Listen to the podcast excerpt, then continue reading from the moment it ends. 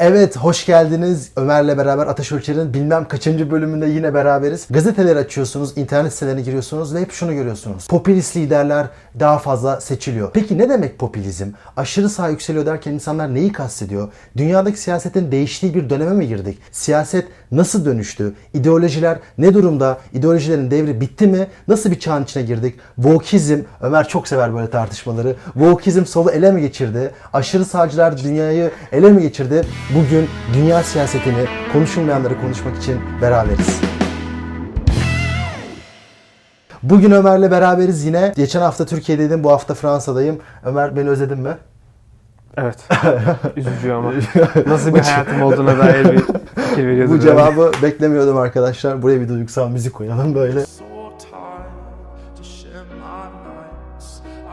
Byte yok. Daha keyifli bir video olacak. Byte sıkıcılığı bu videoya sarmayacak. Geçen hafta video abi nasıl öyle ya gerçekten. Vahit enerjiyi çok düşürüyor ortamda. Bayağı hani Aşırı ben. Vahide şey diyorum arkadaşlar. Sen anlatacaklarını gelmeden önce anlat. WhatsApp'a kaydet. Yanımıza gelince 2x'e dinleyelim. Çok zorluyor beni. Vahide dinlemek bir işkence.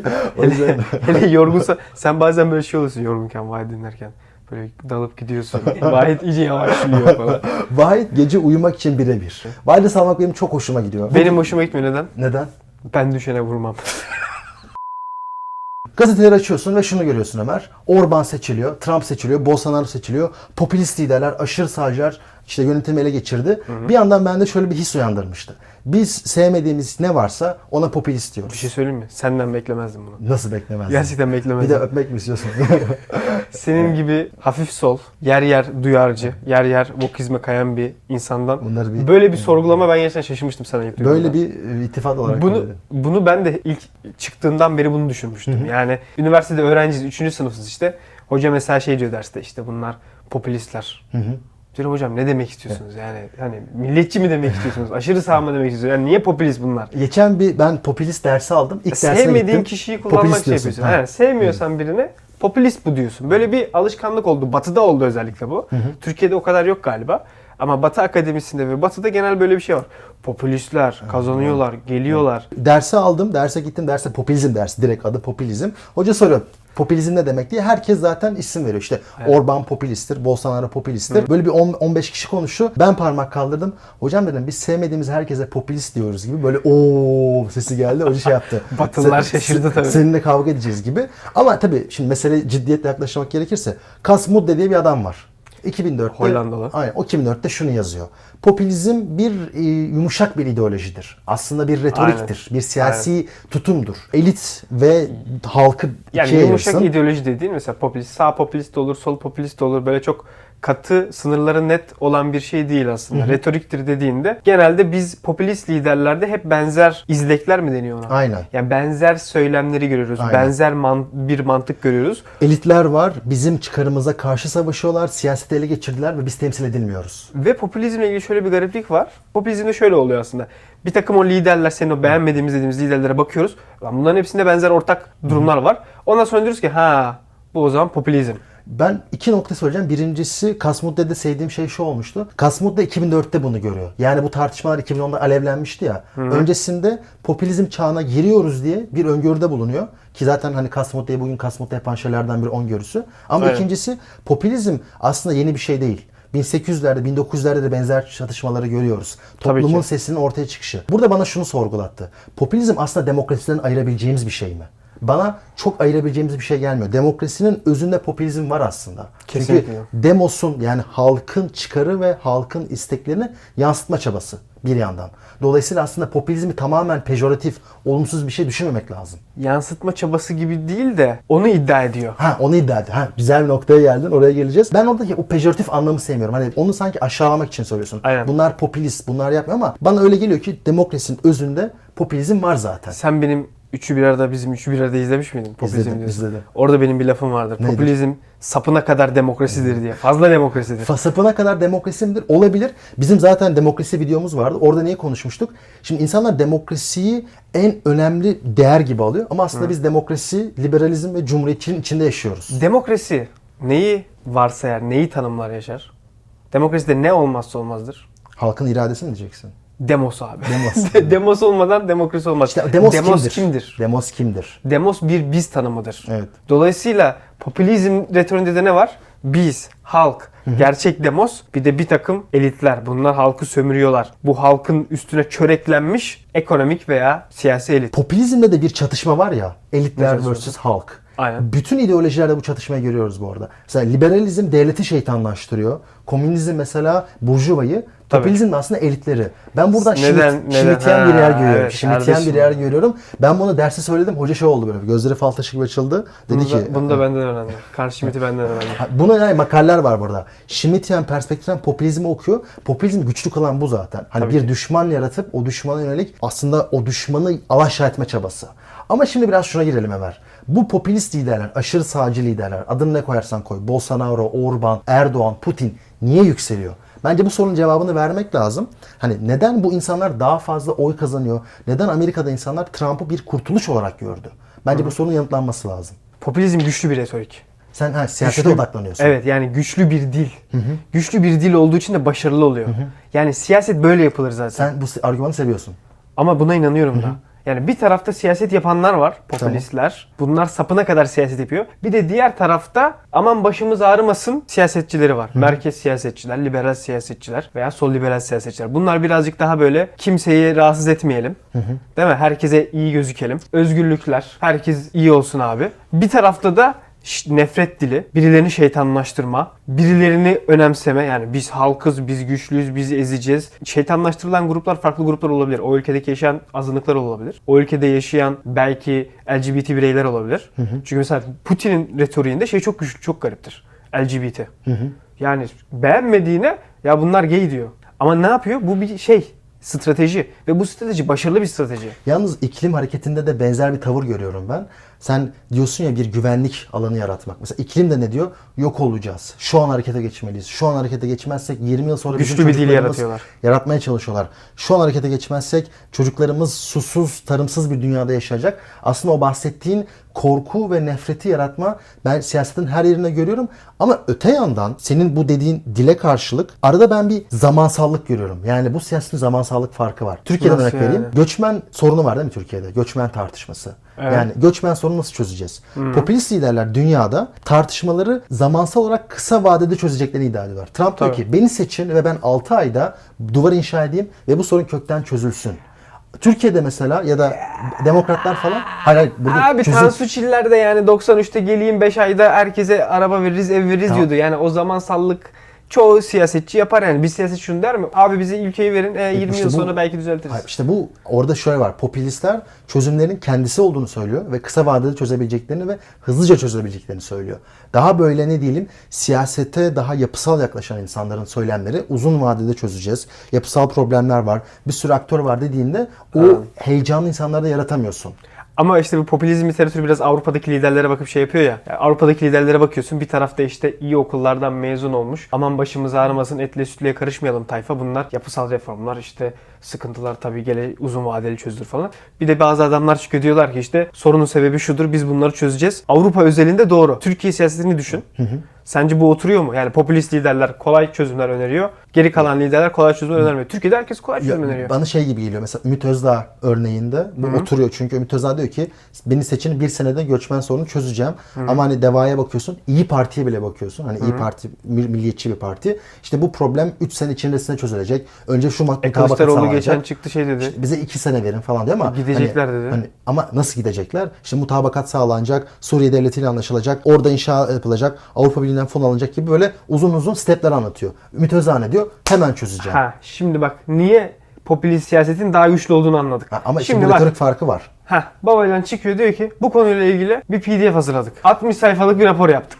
Kimse o raporla ilgilenmiyor. Kimse senin öyle çok mantıklı bir 5-10 yıllık plan yapmanla, program yapmanla ilgilenmiyor. İnsanları çekemiyorsun böyle. Ama bir adam dediği zaman biz bunları alacağız, toplayacağız, otobüse bindirip yollayacağız. Taraftar Burada buluyorsun. bu- yani o retorik güç farkı çok önemli. Katılıyorum. Bunu analiz etmem buna katıldığım anlamına gelmiyor bu arada. Hani bu do- siyasetin doğru noktası olarak bunu görmüyorum ben. Çünkü aslında sor- sorunlara çok hızlıca ve yapısal problemleri çözmeden çözümler öneriyorsun Ha, ve doğru çözemiyorsun. nokta dediğin şey mi? Ben de bunu bu daha doğrudur demiyorum. Ben siyaseten daha doğrudur diyorum. tabii siyaset yapma biçimi açısından. Tabii siyasetin amacı nedir? Siyasetin amacı daha fazla oy kazanmaktır. Yani güçlü bir söylemle bir hikaye yaratabilmektir değil mi? Evet.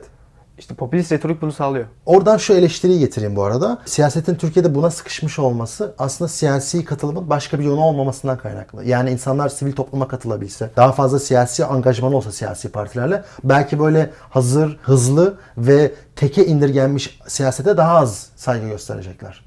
Sence öyle mi? Yoksa Batı Avrupa'da siyaset birazcık daha şey mi? Tiyatro mu? Bak başka bir soru soruyorum düşün. Tam ne demek istediğini anlamadım. Tiyatromudan kastım şu. Amerika'da bu Trump'ın da anlattığı hikaye var ya. Yani bunlar zaten aynı adamlar, aynı elitler dönüyorlar, Tamam. masada oturuyorlar. Beyefendiler, mösyöler takılıyorlar, şampanyalarını içiyorlar, şaraplarını içiyorlar. Öyle birbirlerini eğliyorlar.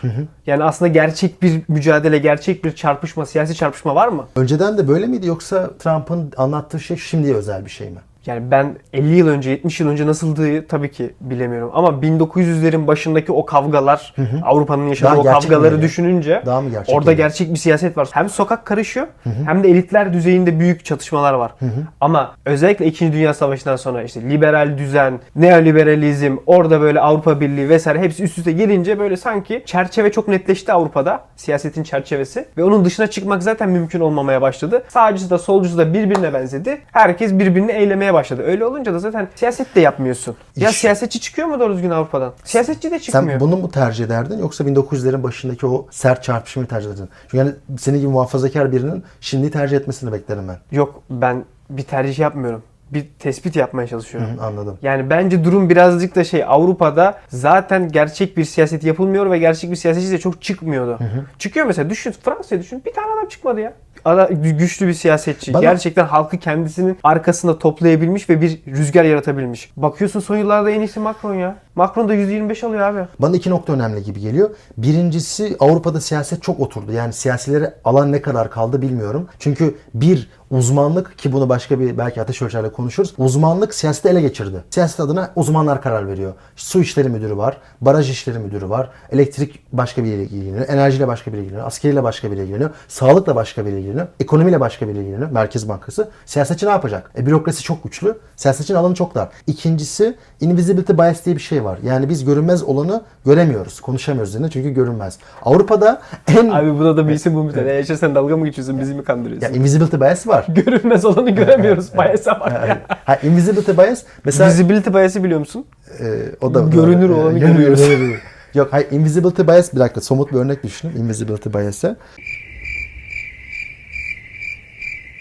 Genç kadınlar çalışmıyor Türkiye'de. Ne okuyor ne çalışmıyor. Ama bu problemi konuşamıyorsun çünkü onlar zaten çalışıp ve okumadıkları için siyasi olarak da angaj olmuyorlar. Neyse bu sana benim cevabım olsun. Benim dediğim şey şu. Av- Avrupa'daki en güçlü siyasi ideoloji oy kullanmamak. Siyasete katılmamak. Fransa'da aslında sen diyorsun ya Macron %25 aldı diye. Oy kullanma oranlarına baktığında %30 insan oy kullanmıyor %32. Aslında Macron'dan daha yüksek bir oy kullanmama oranından bahsediyoruz. Bir şey var diyorsun. Apati, apati mi diyorlar buna? Bir Siyasetten şey. bir kopukluk. İnsanlar siyasette temsil edilmediklerini düşünüyorlar. Siyasetin onların dertlerini konuşmadığını düşünüyorlar. Bu mu yoksa end of the history mi? End of this. Bu da bence ikisi aynı anda oluyor ama şey hikayesi gerçek bence. İnsanlar gerçekten siyasetle bağını koparmış durumda. Çünkü Avrupa'da ve özellikle Batı'da bütün bu aşırı sağ muhabbetini anlamamak için de bunları anlamak lazım. Son 30-40 yılda çok büyük dönüşümler oldu. Ya küreselleşme diye bir olgu var mesela. Ya 1970'lerin ekonomik modeli bir erkek var, aile reisi. O çalışıyor, iyi maaş alıyor çünkü sanayi işinde çalışıyor. Fransa'da bir fabrikada çalışıyor ve aslında ailesini geçindirebilecek kadar geçimi var. Ve zaten de e, Keynesyen ekonomi zaten hep demand, hep talep odaklı bir büyüme var. oldu? Şimdi bu hikaye küreselleşmeyle bozuldu. Bütün fabrikalar daha ucuza gidebilmek için Çin'e gitti, Vietnam'a gitti, bir kısmı Türkiye'ye geldi. Yani dekolize oldu. E ne oldu? Bu insanların maaşları düştü. Neden? Çünkü rekabet edemiyor. Orada sanayisizleşme süreci var Batı Avrupa'da. İkinci olarak bu insanlar artık ya düşük maaşlı industri işlerinde çalışıyor ya da yeni açılan servis sektöründe çalışmaya başlıyor.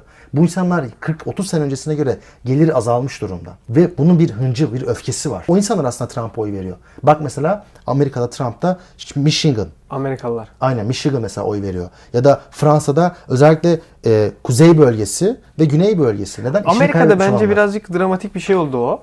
Amerika çünkü 1970'lerdeki dünya ekonomisindeki yeriyle şu anki arasında uçurum var. Evet.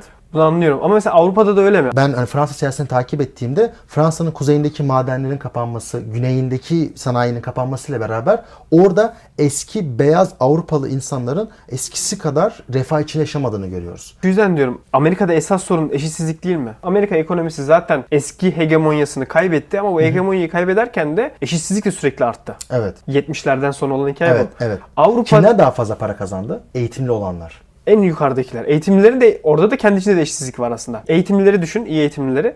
Orada da mesela top executive'ler yani CEO'lar, en büyük yöneticiler çok çok çok para kazanırken yine beyaz yaka olanlar, ortalama işlerde çalışanlar yine o kadar kazanamıyor. Bana şey gibi geliyor. Sürekli bir eşitsizlik var. Yani her grup kendi içinde çok eşitsiz. Bu ikileşmeyi bence ikileşmeyi sürekli vurguluyorum. Bence iyi anlamak lazım. 80'den sonra iyi eğitimli, İngilizce bilebilen, dünyada mobilitesi olanların refah arttı. Yani yazılımcılar, Neredekiler bunlar? Bütün dünyada. Batı'da zaten bence Çin'de falan genel refah artışı var. Çünkü ülke çok hızlı büyüyor. Doğu Asya'da genel refah Aynen. artışı var. Batı'da ise eski eğitimsiz endüstride çalışan insanlar refahını kaybederken eğitimli gençlerin refahın arttığını görüyoruz. Özellikle produktif olmayan hizmet sektöründe çalışan gençler. Onların mesela bayağı refahın azaldığını görüyoruz ve siyasetten en çok kopuk onlar Batı Hmm. Avrupa'da. Yani sen mesela Starbucks'ta çalışıyorsun, ne bileyim Uber'de çalışıyorsun, bir Nike mağazasında satış görevlisisin. Ya asgari ücret alıyorsun. Bunların sta- hayat standardı 30 yıl öncesine göre çok, çok düştü. düştü. Onun anne babası, onun anne babası şu an Nike mağazasında çalışan. E, birazcık da çalışan- doğal değil mi bu ama? Neden? Yani çünkü dünyada ekonomi çok demokratize oldu yani ekonomik hegemonyalar Aynen. dağıldı ve Evet. işte Asya ortaya çıktı. Birazcık daha eşit bir dağılım olmaya başladı ve sonunda da Batı'nın hegemonyasının çökmesiyle beraber artık o kadar da ayrıcalıklı hayatlar İşte- yaşayamıyorlar. işte bu öfke Türkiye- onun öfkesi. Türkiye'den bakan bizler için biraz bana garip geliyor. Almanya'da asgari ücret kaç? 1500 euro olsun. Asgari ücret alan çok az insan var zaten. Bir. %9 herhalde Almanya'da. Hadi asgari ücretliye bakalım. Almanya'nın 1500 euro kazanarak sen yaşayacağın hayat standartını ben biliyorum, gördüm. O bu- ondan daha ötesi ne olsun ki abi zaten? Ya bu eleştirini alıyorum ben. Kabul ediyorum. Sadece oradaki o bir öfkeyi anlamak için söylüyorum. Ayrıyetten bu insanlar mülk ve araba sahibi olamıyor. Tamam, bu doğru, 30-40 sene öncesinde sen bir maaşla ev sahibi oldun, Bir dakika araba araba, oldun. alıyor. Bir dakika dur şimdi Ya, karıştırma hayır, şimdi. hayır. Almanya'da herkes araba Hayır, alıyor. hayır, hayır. Ev alamıyor ama. Ev alamaz. Ev alamıyor. Şimdi O globalleşme evi bitirdi, doğru. Şimdi, bunun, Globalleşme bunun bir bitirdi. öfkesi var. Ben senin bu insanlar hani buna beğenmiyorum eleştirisini kabul ediyorum. Ama buradaki aslında o göreceli öfkeyi anlamaya çalışıyorum. Bu konuda Hozerman diye bir insan yazıyor. Mesela onun makaleleri bunu uzun uzun anlatıyor. O nasıl göreceli refahsızlaşma Bir soru sorayım ben sana.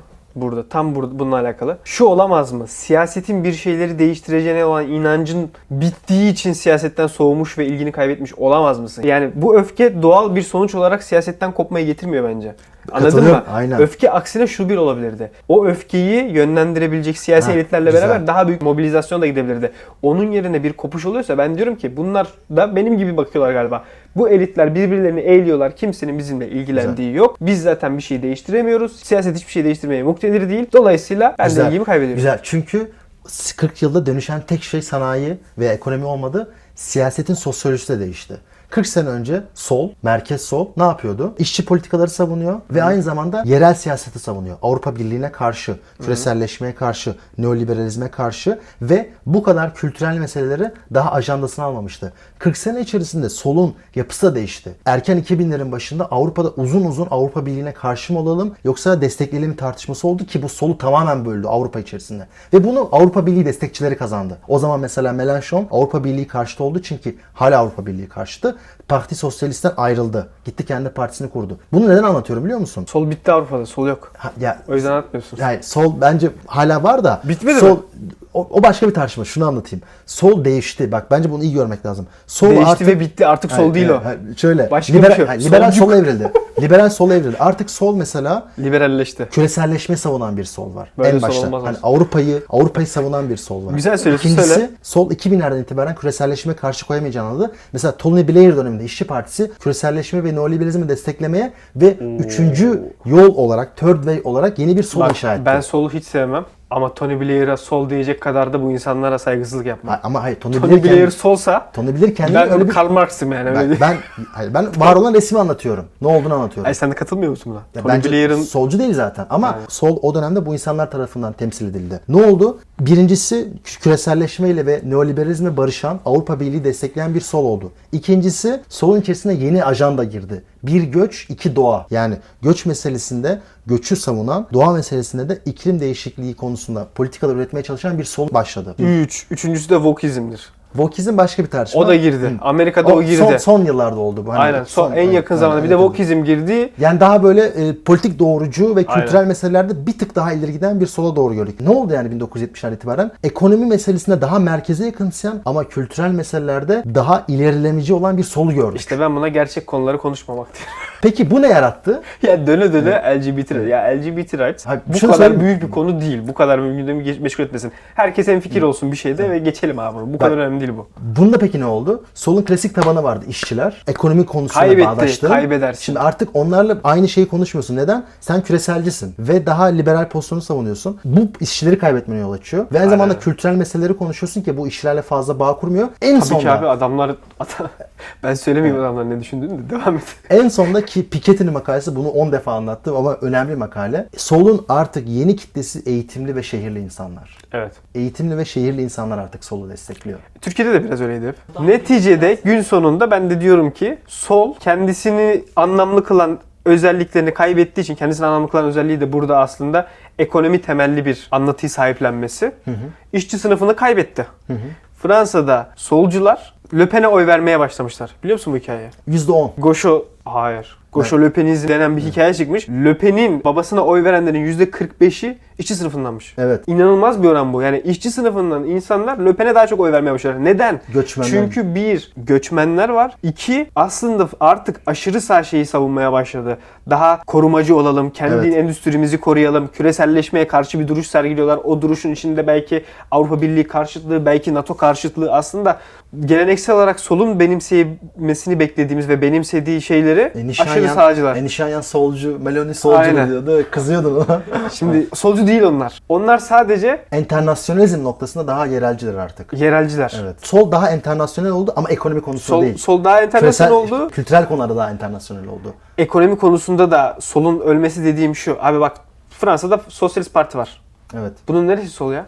Sosyalist Parti sosyalist değil. Sosyalist Parti sol da değil. Sosyalist Parti'nin Hollande'dan önce Sarkozy'nin önüne kimi çıkartacaklardı başkan adayı olarak? Sosyalist Parti. Bilir misin? Kim? Bak çok komik bir şey. Sosyalist Parti arkadaşlar. Dominic Strauss-Kahn. Dominic Strauss-Kahn kim? Kim? IMF başkanı. Sosyalist Parti'nin başına IMF başkanı. Bitti. Cümle bitti. Daha fazla ben işte sol, ne kadar sol anlayın. Şimdi ben Bu garip değil mi ya? Ya garip ama şunu anlamak gerekiyor. Dünyada artık yeni siyaset var. Bir doğa, iki göç. Bunun konusunda solcuların bir şey söylemesi lazım. Abi orada da doğru bir noktada değiller galiba. Hiç kimse desteklemiyor onları. Orada asıl sıkıntı şuradan başlıyor. Yani sol göçmen konusundaki pozisyonundan dolayı sürekli kan kaybına uğramıyor mu? Evet ama bana şaşırtıcı gelmiyor. Bir kere hani solun perspektiften bakınca solun zaten daha marjinal kesimlerle işbirliği tutması sana şaşırtıcı mı geliyor? Abi sen solun niye bak ben solcu değilim ama niye bunlar kaybetmek zorunda mı bu Hayır, insanlar? kaybetmek zorunda değil. bu insanlar niye Hayır. kaybeden tarafı kaybetmek seçiyorlar? zorunda değil. Ama hani sonuçta Yani daha niye biz marjinal grupları destekliyoruz abi? O siyasetin mantığı Kaç- daha çok insanın Hayır. desteğini almak değil Sol- midir? ezilenler- Marjinal, marjinaller gitsin abi marjinal marjinal kalsın. Hayır. Başkalarını ezilenleri desteklesin. destekliyorsun. Ezilenleri destekliyorsun. Abi ezilenler partisi Burada, çıksın. burada bak asıl sıkıntıyı söyleyeyim. Sıkıntıyı, arada öyle bir parti var. Ezilenlerin Demokrasi Partisi, ÖDP var. Abi sol kaybetme. SP Ezilenlerin So- Sosyalist Partisi. Bu arada bak buradaki sıkıntıyı söyleyeyim. Daha meta siyaset açısından. Siyasi sorunlar gittikçe küreselleşiyor. Göç meselesi aslında küresel bir sorun. Dünyada çatışmaların artması, göçün kolaylaşması vesaire vesaire bunu zaten konuştuk bir göç videosunda. Sonucu göç arttı. İkinci iklim krizi küresel bir sorun. Fakat buna hala ulus devletler çözüm aramaya Abi çalışıyor. iklim krizi var. iklim krizi, doğaya sahip çıkalım diye kimseden oy alamazsınız. %3 alırsınız, 5 alırsınız. Siyaseti bunun üzerine kurmak nedir ya? Bunu da biz mi söyleyeceğiz abi? Böyle strateji mi olur? Öyle deme ama Avrupa'da şu an temel mesele iklim Bak siyaseti şu garip. durumda. Şu an Avrupa'da, dünyada sen diyorsun ya sağda merkeze geldi, solda merkeze geldi. Bence sol merkeze geldi evet. Sağ merkeze geldi demiyorum ya. Sağ merkeze gelmedi. Sağ daha sağa bile gidebiliyor. Evet. Aşırılaşabiliyor. Aşırı sağ daha güçlü olabiliyor. Ama aşırı sol güçlü olamıyor abi. Aşırı sol diye bir şey kalmadı abi. Belki Latin Amerika kontekstinde vardır orayı bilmiyorum. Bu garip geliyor bana. Aşırı soldan kastın nedir? Gerçek sol. Ha yani silahlı bir şekilde devrim yapmak mı? Silahlı devrim yapmasınlar da güçlü sert bir sosyalist politikayı önersinler. Şu mu yani kamulaştırma mı? Aynen. Ama O sosyal tarz şey. Sovyetler yıkıldığı için o hikaye bitti. Ama işte ortada da şöyle bir şey çıktı. Sağ kendi savunduğu şeyi çok daha aşırılara götürerek savunabiliyor ve bununla ciddi oy topluyor. Karşı taraf onu yapamıyor. Ben sana şöyle katılmıyorum. Anladın mı dediğimi? Anladım. Katılmadığım noktayı Bana söyleyeyim. sağcıları düşün. Doğu Avrupa'daki sağcıları düşün veya işte popülist liderler diye düşündüğümüz adamları düşün. Daha da sağa gidiyorlar. Hiçbirinin merkeze kayma kaygısı yok ve daha sağa gittikçe daha çok oy alıyor. Neden biliyor musun? Daha güçlü. Hayır. Şundan dolayı. Yine tekrarlayacağım kendimi. Dünyanın yeni sorunları, göç ve iklim gibi noktalarda insanlar reaksiyoner tavır gösteriyor. Sol bu ajanda ittiriyor ve bu ittirme noktasında insanlar feragat vermek istemedikleri için mesela iklim konusunda ya da ekonomi küçültmek istemedikleri için her seferinde şunu görüyoruz.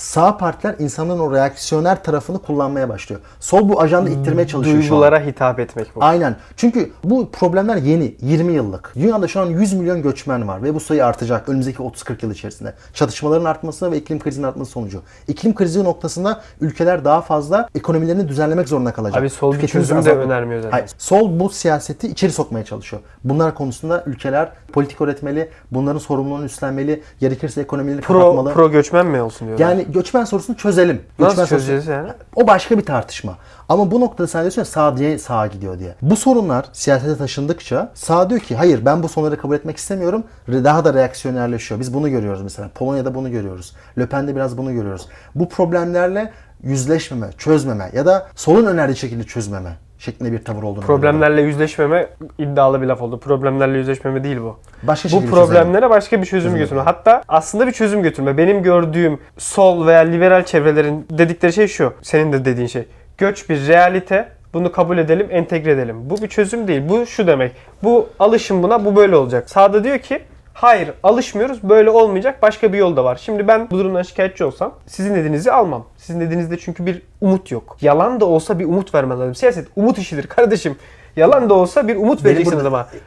Eleştirim zaten bunun çözümcül olmadı. Yoksa ben de hani bunu çok sevdiğim için değil. Ben geçen videoda mı söylemiştim sana sol gerçek meseleleri bıraktı da böyle ne ödüğü belirsiz, kimin için konuştukları belirsiz konuları tartışmaya başladılar. Wokeizm gibi. Bu nasıl oldu? Bu dönüşüm nasıl oldu? Yine bu Piketty'nin makalesine referans verecek olursak o şey güzel bir lafı kullanmış. Brahmin left, Merchant right. Şunu demek istiyor. Artık sağ ve solu kimin desteklediğini anlamak için eğitime bakmamız lazım. Zaten zengin olan insanlar ya da işçi sınıfı olan Sınıfsal insanlar niteliğini kayıp mı etti? sınıfsal niteliğini kaybetti. Ekonomi üzerinden yani mobil misin? Dünyada hareket edebiliyor musun? İşin veya eğitiminle. İngilizce biliyor musun? Küreselleşme senin faydana mı? Ve eğitim anlamında kültürel olarak ilerici misin değil misin? Bunlar senin sola yakın olup olmadığını anlamanı Çünkü sağlıyor.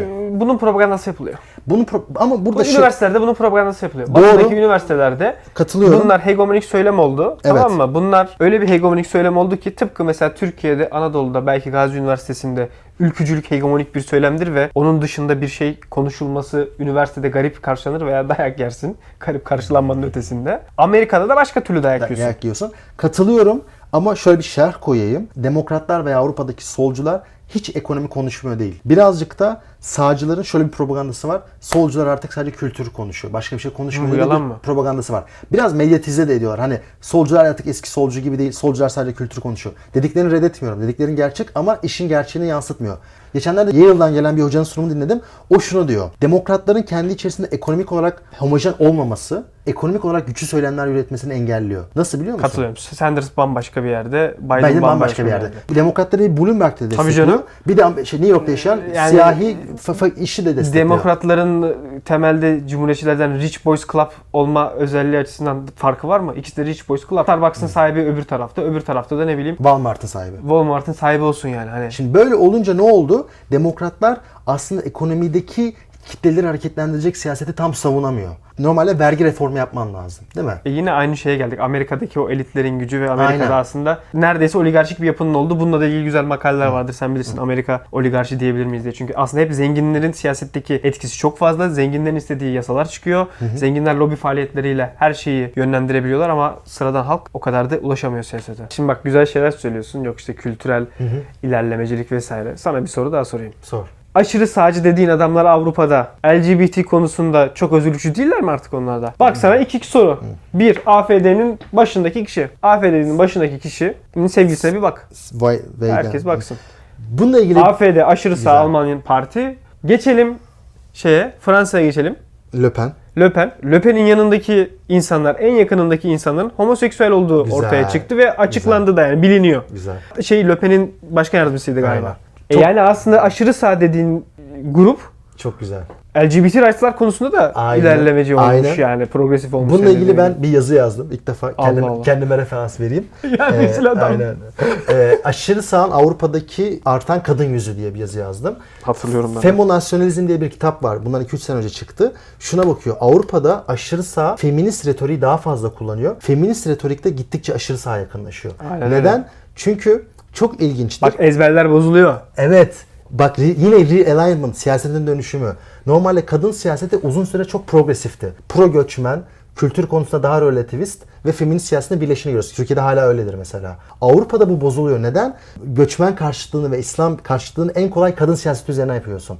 Diyorsun ki göçmenler bize tehdittir. En Aynen. başta da kadınların, Kadınlarımıza tehdit. kadınlarımıza tehdittir. Kadınların özgürlüğünü bitirecektir. Dolayısıyla aşırı sağcılığı da yani göçmen karşıtlığını da kadın siyaseti üzerinden kuruyorsun. Le Pen'in bir konuşması var. Köln'de, Köln'de. Köln'de bir olay olmuştu. 300-400 hatta binlerce kadın taciz edilmişti. Le Pen ardından bir yazı yazdı. Korkarım ki göç krizi aynı zamanda Avrupa'da da kadın hakları krizinin başlangıcıdır diye. Dolayısıyla kadın siyasetinde aşırı sağa yakınlaştığını görüyoruz. O retoriği kullandığını görüyoruz. Neden? Çünkü diyorsun ki göçmenler geliyor, kadınlara zarar veriyor. ezberleri bozun. Şu an aşırı sağcı liderler en çok bilinenleri kadın. Dolayısıyla kadın siyasetinde Avrupa'da biraz daha ulusalcı çizgiye yaklaştığını görüyoruz. Buradan son şuna bağlayacağım Ömer. Bu da bence Bağla. konuşmak önemli. Tamam. Son Amerika seçimlerine baktığında şunu görüyoruz. Demokratlara oy verenler ağırlıklı olarak bekar kadınlar, cumhuriyetçilere oy verenlerse bekar genç erkekler ve evli erkekler.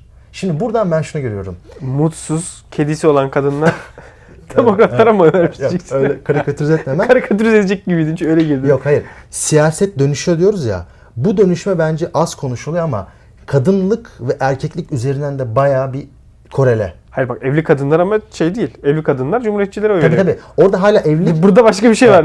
Orada şu var bence.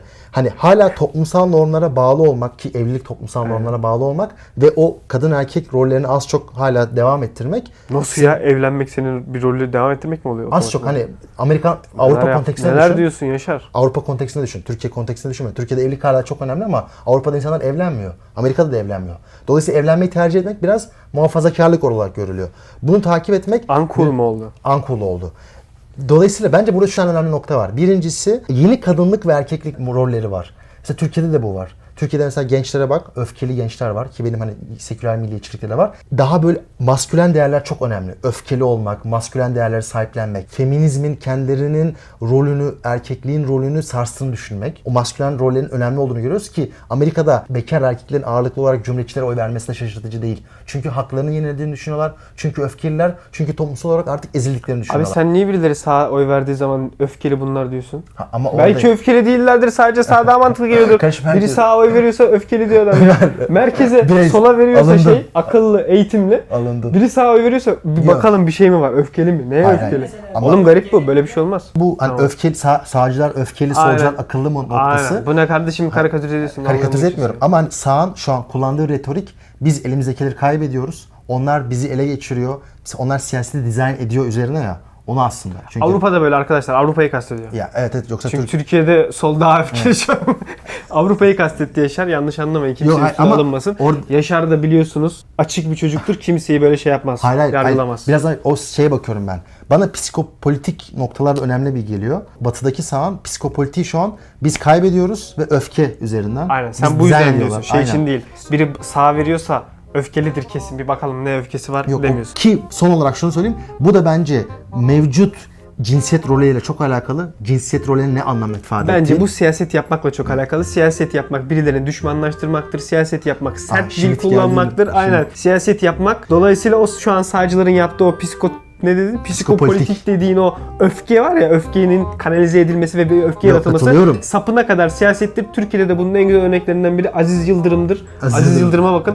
Harika bir siyasetçidir. öfke- Fenerbahçe Cumhuriyeti, herkes Fenerbahçe'ye düşman ne güzel mobilize etmişti. Öfke Fenerbahçe sadece diyorum. sağ e, mahsus değil. Bernie Sanders da acayip bir sol nefret yapıyor. Yani %1'in söke söke boğazına yapışacağız. Yoksa hani o sadece sağ has bir şey değil. Sol da bunu yapıyor. Ben hatta diye- sana bunu sordum. Niye sol bunu yapmıyor diye Yok, sordum ben aslında. Yapanlar var. Melanchthon zaten Sanders, Melanchthon yapıyor, aynen. Sanders yapıyor. Son bir kitap önerisi alalım senden. Bugün çok konuştuk üstüne. Ben de çok severim. Carl Schmitt Siyasal Kavramı. Ben de Harika bir kitaptır. Güzel Okuyun kitap. ama anlaması zor. Güzel kitap. Ben de Pippa Norris ve Englehart'ın Cultural Backlash kitabını öneririm. Türkçe çevrildiğini bilmiyorum ama o da günümüz siyasetini anlamak için önemli. Verimli, keyifli, güzel bir sohbet oldu. Ömer teşekkür ederim. Kendinize iyi bakın. Görüşmek üzere.